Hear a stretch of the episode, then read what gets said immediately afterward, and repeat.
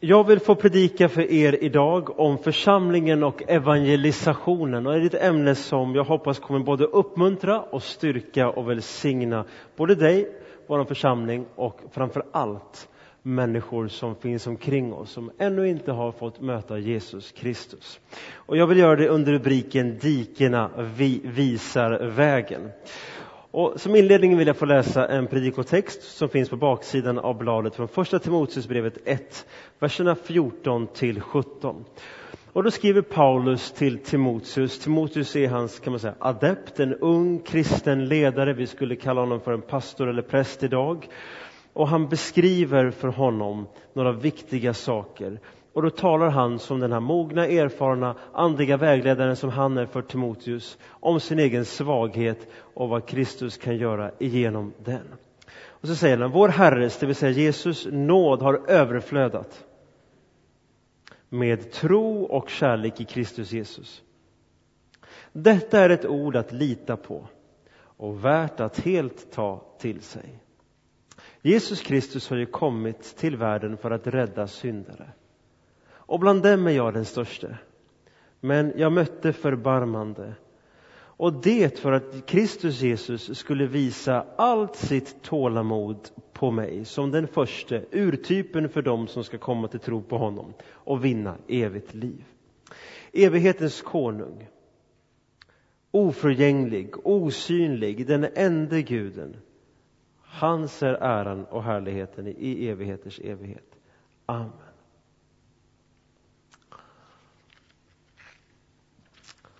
Som introduktionsrubrik har jag skrivit Älska diken. Och vi har fått lära oss generellt sett att diken är någonting som är ett uttryck av det dåliga. Av att man missar någonting. Det finns uttrycket som är att enda gången vi är på vägen det är när vi rör oss mellan ett dike till det andra. Det vill säga bilden av att någonting slår över. Men idag så vill jag vända upp och ner på det och säga att vi ska älska diken. Och vad menar jag med det? Jag hoppas att du om en stund har fått större klarhet i det. Jesus han skriver, eller Jesus han sa och Johannes skrev, och ni har meningen framför er, att liksom du, ber Jesus till Fadern, har sänt mig till världen, har jag Jesus sänt dem, det vill säga lärjungarna, till världen. Jesus han samlade tolv personer omkring sig först och alla de såg inte likadana ut. De hade inte samma uppfattningar i alla aspekter. De hade nog inte samma frisyr. De hade e- olika föräldrar, olika bakgrunder. Helt enkelt, de var ganska likt du och jag. Det var en blandad skara av människor. Och vad händer med en blandad skara av människor? Ja, de beter sig olika, tänker lite olika, agerar olika. Men framför allt kanske i detta sammanhanget, de har olika förmågor och olika förmågor både i sig själva men också i förmågan att knyta an till vissa personer. De här tolv gick sedan ut och spred evangeliet över både Israel, in i romarriket. En av lärjungarna, Thomas, blev troligen den som tog evangeliet till Indien. Och på alla platserna så utvecklas det ju på olika sätt. Men fortfarande handlade det om en enda person, Jesus Kristus. Riksförbundet för enskilda vägar, känner ni till det? Det gjorde inte jag tidigare. Men de har en tidning som heter Vägteknik. Och de har lärt mig mycket. De, under rubriken står det, huvudrubriken är Diken, världens, vägens följeslagare. Det är fantastiskt hur vissa grupper kan personifiera ett dike till en följeslagare. Så skriver de så här, en av de allra viktigaste åtgärderna för att få en fungerande väg är att den är torr. Vatten är bra, men i vägen hör det inte hemma. Vatten kan försämra bärigheten, orsaka halka, tjälskador och mycket mer. Det gäller att få bort vattnet från vägytan utan att det tränger ner i vägkroppen. Här kommer dikenas viktiga betydelse in. För den vanliga trafikanten är diken inte något man tänker på till vardags. Dikena ligger där på sidorna av vägen, har alltid gjort och kommer förhoppningsvis alltid göra det. Men som den engagerade enskilde väghållaren vet så är väl fungerande diken en förutsättning för att en väg överhuvudtaget ska kunna hålla. Amen.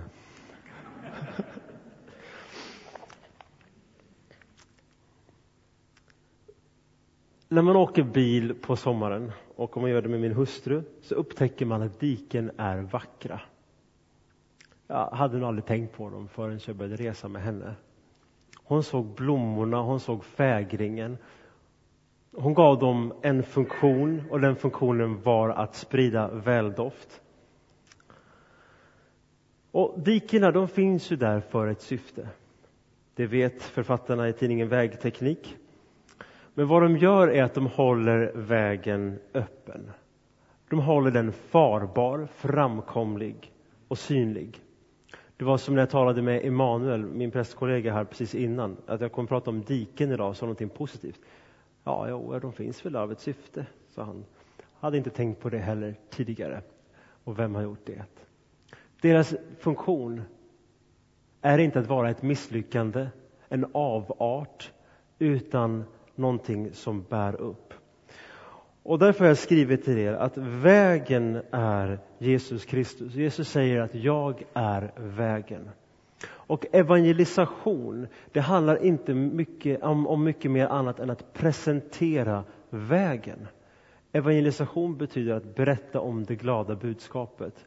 Helt enkelt beskriva var vägen finns och att vägen är en person.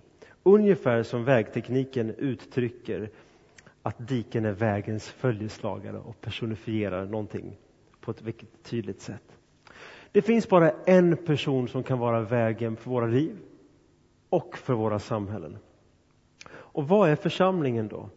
Ja, församlingen, det är de som, kan man säga, gör vägen öppen, farbar och synlig. Om dikena inte fanns för vägen så skulle vägen strax börja gå sönder och förvitna och vattnet kunde inte rinna av och den skulle gå sönder. Jesus kan inte gå sönder utan församlingen, men han har valt att bygga den i gemenskap, i harmoni. Och utan församlingen, så beskriver Bibeln, utan kyrkan, så kan inte Kristus förkunnas för världen. Man kan fundera på varför har Gud valt att arbeta på det sätt han har gjort? Och fullt ut så vet inte jag det.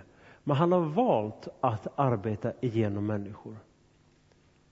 Att vi tillsammans både sammanför vem Jesus är, tillsammans upptäcker vi vem han är och också tillsammans så synliggör vi vägen för andra människor. Vad är evangelisation? För två veckor sedan så predikade jag mer fördjupat om det. Men enkelt uttryckt så skulle man kunna säga att evangelisation det är att berätta om Jesus så att människor kan leva i gemenskap med Gud. Berätta om Jesus så att människor kan leva i gemenskap med Gud. Och med den här positiva bilden av att älska diken som bakgrund så vill jag få ställa dig en fråga. Det är vilket dike är du?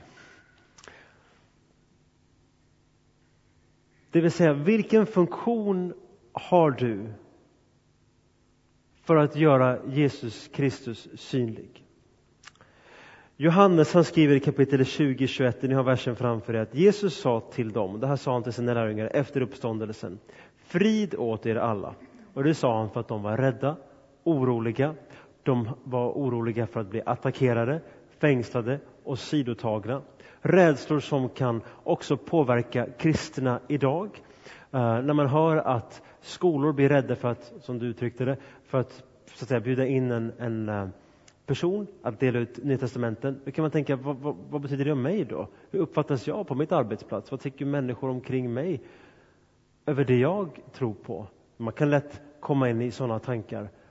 Och då behöver man Guds ord, Jesus ord också till oss. Han sa frid åt er alla, också frid till er. Så säger han så här, som Fadern har sänt mig sänder jag er. Och så sänder han ut de tolv lärjungarna. Ni har på ert papper ett citat som är sant och som jag minns från drygt tio år tillbaka. Det var en man som sa till mig, den här liften, sa han, är den helige ande och snön är livet. Och så började han berätta hur han förkunnade Jesus för sina skidvänner. Jag vet inte riktigt vart de kallas, men de kanske några av er fullkomligt älskar skidåkning. Och han var en person som fullkomligt älskade både snowboardåkning och skidåkning och allt detta då. Var helt inne i den kulturen. Han var helt fängslad av den, hade bott utomlands och åkt som man ska. Det kallas för skidbummare tror jag. Och eh, så hade han åkt lift och satt bredvid en bekant eller någon vän som också älskade skidåkning. Och så sa han till honom att den här liften, den är som den helige Ande. Gud har skänkt kraft till oss för att dra oss framåt. För att ge extra kraft när vi saknar den. Och snön, det är som livet. När vi åker ner för backarna så ibland kan det gå jättebra man bara känner att det är världens go. Ibland så är snön av annorlunda karaktär och det går långsammare. Ibland blir den isig, den går alldeles för fort. Du kan komma in i en puckelpist, du vet inte hur du ska ta dig ut.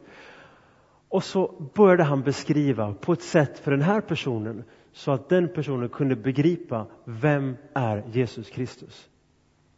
Jag hade aldrig kunnat hitta på de liknelserna på det viset. Jag är inte en del av den världen, men han var det. Och han hade förstått någonting.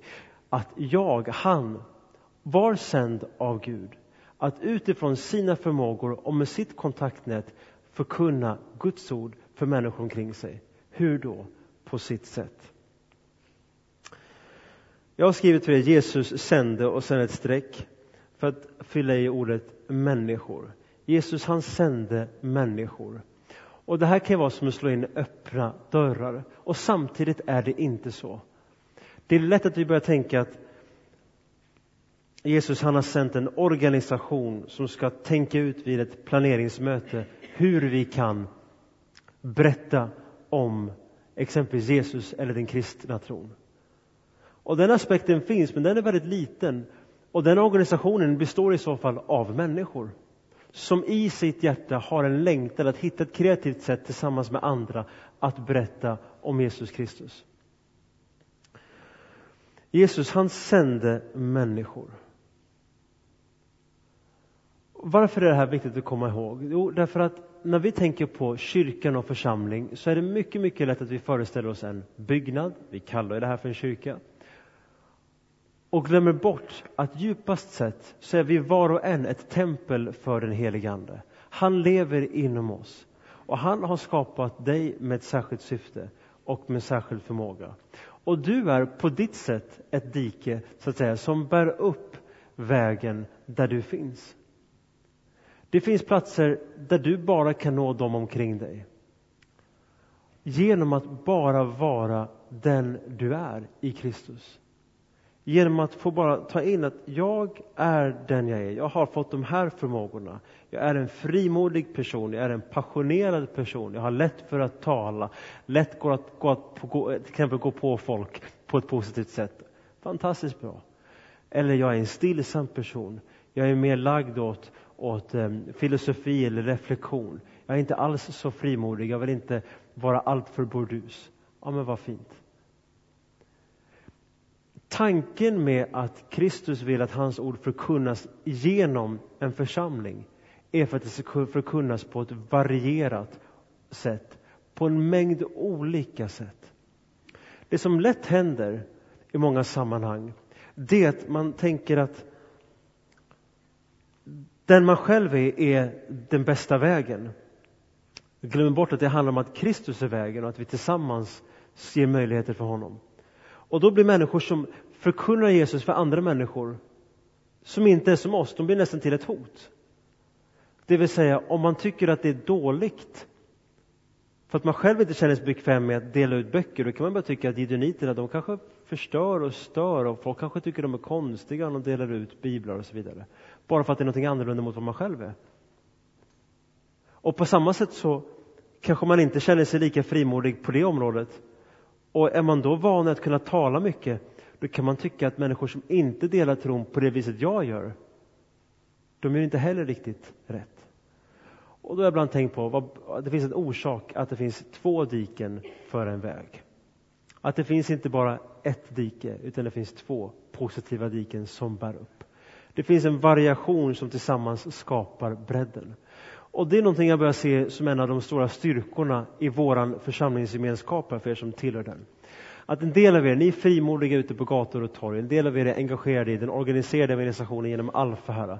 En del av er visar omsorg om några få individer som ni har i ert vardagsliv, i bön, i, i kärleksfull omsorg, i att hjälpa till Eh, människors dagliga svårigheter. Och tillsammans så sprids en väldoft, en fägring om vem Gud är. Tillsammans så kommer det väldigt långt. När Jesus sände ut människorna, de här lärjungarna, så visste han att det inte skulle bli bra. Han visste att det istället skulle bli bättre.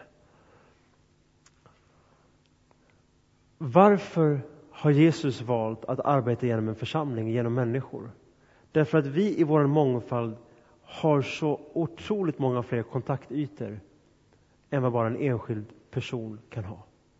När Jesus vandrade omkring på jorden så var ju han alltid på en plats. Och han mötte omkring, människor omkring sig och gjorde stor påverkan på deras liv.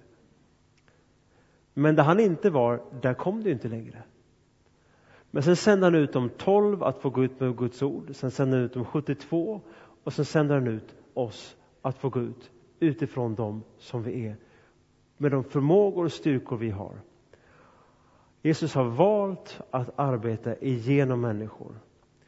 Och varför upprepar jag det här på gång på gång? Därför att ibland är det som att vi tänker att det är någon som är mer lämpad än jag att dela Guds ord till människor. Hon här borta, eller han, eller den teologiutbildade och så vidare. Men sanningen är att det inte alls förhåller sig så. Utan att det finns människor omkring dig som du är den som är kontakt för. För en del skapar det här oro och det beror på att ibland man applicerar hur man ska göra det med en bild av hur någon annan gör det. Kommer strax till det. Johannes av Korset, en av de tidiga kristna kan man säga, mystikerna. Han har sagt så här att vad än underbarare och gudomligare är att bli hans medarbetare, Guds medarbetare i omvändelse och återlösningsverket av själarna. En komplicerad gammal mening där han fick förklara en tidigare kyrkofader från 500-talet som sa så här att det gudomligaste av alla gudomliga verk är att samverka med Gud för själarnas frälsning. När man upptäcker, och när du får upptäcka att du är dike på ett positivt sätt här. Att du är där för att vägen synliggörs och att du accepterar fullt ut vem du är och att Gud lever i dig och att han vill verka genom dig utifrån din situation och dina förmågor. Då kommer du börja längta efter att få vara en del av Guds mission i våran värld. Det är något av det absolut största man kan få vara med om som kristen, att upptäcka att Jesus, han låter mig vara med i att förkunna vem han är för människor omkring dig. Och när du sen finns i ett samtal eller i ett möte eller får be med någon till frälsning eller får se att en person du bara tog kontakt med sen var med om den här förändringen. Då kommer ditt hjärta fyllas av en glädje som är av ett nytt slag än du tidigare har varit med om. Jag har skrivit som punkt två att, att organisationen har två goda diken.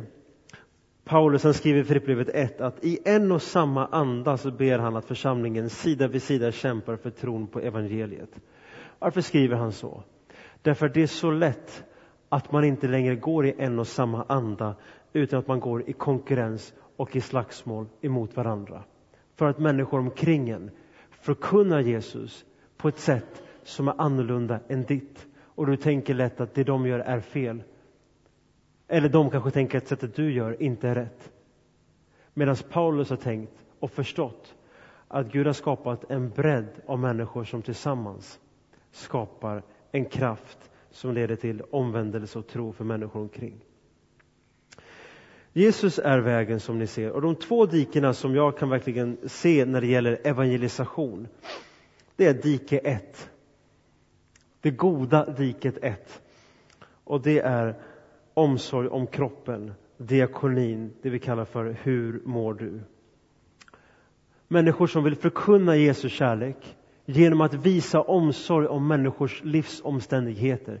Kläder, omsorg, samtal, kramar, mat, telefonsamtal, vykort, glada leenden, den typen av tingestar. En del av er ni bara gläds så mycket över att få visa omsorg för andra människor. Och, och, och Jakob han skriver ju med rätta i kapitel 2, vers 18 i sin bok att visa mig din tro utan gärningar så ska jag med mina gärningar visa dig min tro. Ofta brukar man tänka så, det handlar inte om att vi ska berätta så mycket om Jesus, vi måste visa vem han är i kärlek. Och det är ett fantastiskt starkt, gott dike. Och det andra diket är, det är omsorg om själen, det vill säga undervisningen. Vad tror du på? Vet du vem Jesus är? Du behöver bekänna Jesus som Herre och ta emot honom så skall du bli frälst. Och Bibeln är väldigt tydlig också där i att detta är rätt väg. Och hur ofta kommer de här två inte i motsats till varandra? Hur ofta har inte jag suttit i samlingar där det här märks väldigt tydligt. Jag kan ha suttit med en, jag säger inte att det är så i Almby, men alltså man sitter med en diakon och så sitter jag som präst och så kan någon säga, ja men du som är diakon, du tar hand om människorna och du som är, diakon, du som är präst, du förkunnar Jesus. Det är bra så länge som det finns en helhet, men det blir farligt när diakonen tror att det den gör är någonting bättre eller viktigare än vad den andra personen gör, eller tvärtom. När man inte ser att de vi möter behöver båda två. När man förstår att kramen som man ger, vykortet som man sänder, kanske mat man handlar till någon som är i behov av det. Att den människan också behöver höra att Jesus vill leva i relation med dig. Han vill frälsa dig från din synd och han vill återupprätta dig. Och på samma sätt som det är så att den som vittnar och berättar om Jesus också behöver komma ihåg att det kommer i samhand med att visa omtanke om den person som man vill också nå och hjälpa. Inga Pagreus, en diakon som numera är pensionerad i Santa Clara, som en del av er har hört talas om, hon har varit här på besök tidigare. Jag pratade med henne om evangelisationens två olika diken för många år sedan. Hur ska man tänka? Jag har några som brinner för att hjälpa människor och några som vill berätta om Jesus. Och hon sa så här, vi hjälper alla här. Jag vill hjälpa alla, oavsett vad, oavsett vem man är, vad man tror på, om man har behov. Men vi vill samtidigt att alla skall bli frälsta. Och att de inte alls är i motsats till varandra på något sätt. Jag var med henne på Plattan vid ett tillfälle och det är så fint att se hur de delar ut mat i det här fallet då, med jackor där det stod Jesus på ryggen väldigt tydligt. Att bakom diakonin, bakom hjälpen, så finns det en stor diakon och det är den vi vill att människor ska få möta, den riktige som kan skapa djup förändring. Jag vill få uppmuntra dig att få både få se bredden och att bredden behövs. Att du har dina förmågor, det kan vara inom musik, det kan vara inom konst, att förmedla Guds rike. Och att samtidigt ha klart för dig att människor som du vill uppmuntra med det som du har också behöver faktiskt få höra vem Jesus är. Och att du som gärna vill berätta om vem Jesus är kommer ihåg att människorna du möter behöver omsorg. Jesus han förkunnade tro på mig, men han bad också för sjuka. Han berättade för människor, följ mig, men de hade också pengainsamling och hade en egen, eh, egen kassa i sin evangelisations, i sin lärjungagrupp för att bistå de fattiga. Och det viktiga är att förstå att evangelisation inrymmer helheten i att älska människor så att de får möta Jesus Kristus. Och han vill återupprätta skapelsen och även återupprätta människors inre. Det farliga blir när man börjar välja en sak över den andra och tror att evangelisation, det är att prata. Vilket det är, men inte bara. Att de hör intimt gemensamt med varandra. Paulus, eller Jesus han sa så här i punkt 3, att låt ett dike blomma, låt ett rike blomma. Att när den helige Ande kommer över er ska ni få kraft att bli mina vittnen. Hur kan jag då vittna, eller hur kan jag vara i mitt dike? Hur kan mitt dike få blomma den jag är? Ja, det första är att förstå att Jesus ord är sant. Han har skänkt sin heliga Ande till att leva i dig.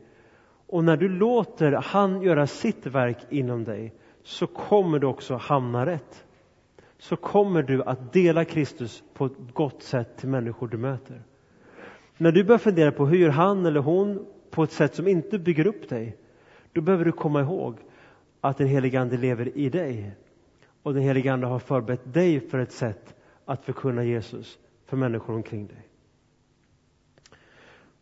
Att låta ditt dike blomma, det kan du göra genom att leva i hans aktiva nåd. Att leva i en förväntan på att han gör någonting pågående i mitt liv. Och det här kan jag berätta för andra människor. Precis utifrån där jag är. I den text jag läste inledningsvis för er så skriver Paulus, jag mötte förbarmande hos Jesus Kristus.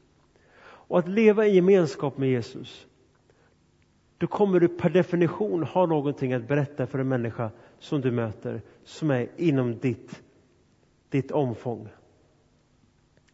Och det andra är att leva i öppenhet. Igår så, eller förrgår så hade jag bilen inlämnad, i torsdags hade jag bilen inlämnad på en bilverkstad. Och de skulle fixa någonting.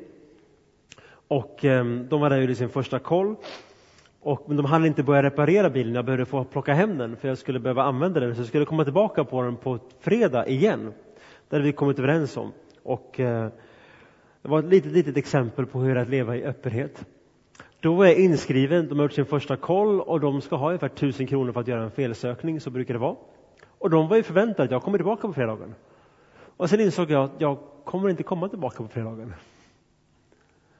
Ehm, jag skulle bara kunna strunta i det här, jag behöver inte åka dit, jag behöver inte ens ringa upp dem, jag vill inte betala de pengarna. Ehm, jag kanske inte behöver göra den här reparationen längre, det har flera olika orsaker. Och så tänkte jag så här, jag vill leva ett liv som alltid är öppet. Jag vill alltid kunna möta människor längre fram utan att ha någonting i bagaget. Så jag ringde upp och så sa jag som det var. Jag var hos er igår. Jag skulle komma med bilen nu, jag ringde klockan sju på morgonen. Jag skulle komma med bilen idag och ni har ju förberett tid för att reparera den. Jag kommer inte komma idag. Men vill du ändå att jag ska skicka över pengar till dig för att allting ska vara rätt?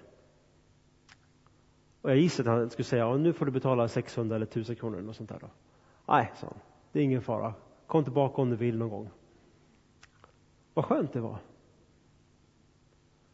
När jag träffar på honom sen längre fram, då finns det ingenting otalt i min relation. Ponera att jag hade bara dragit här nu. Vi hade setts igen om två månader nere på stan, bilmekanikern känner igen mig. Det där var du som lämnade in din bil och du kom aldrig tillbaka. Du skyllde mig tusen kronor. Ja, just det. Men det blir ganska svårt då, men Jesus han är bra. Det blir komplext, eller hur?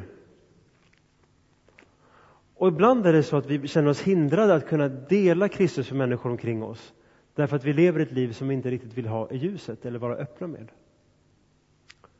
Men att leva ett liv där man lever i, i, med ambitionen av att leva i öppenhet och renhet, det gör det så lätt att också dela sin tro för andra människor omkring. Ett vanligt sätt som gör att människor inte vill lyssna på, på kristna när de delar, det är att de upplever som ett falsarium. Att det är fyllt av hyckleri och att men ni säger en sak men ni lever annorlunda. När jag möter det brukar jag säga att men du är helt rätt. Men det är för att den kristna tron innebär inte att man, att man lever rätt. Men Jesus Kristus han förlåter våra synder, han upprättar oss och han ger oss en ny väg och en ny chans. Och när jag insåg att jag kunde evangelisera till människor genom att berätta om mina misslyckanden, om mina svagheter. Det har skapat så mycket öppningar. Och det är det som Paulus gör när han säger jag var den största syndaren.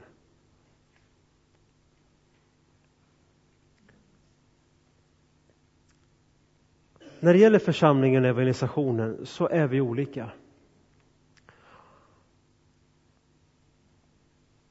Och poängen är att vi är det.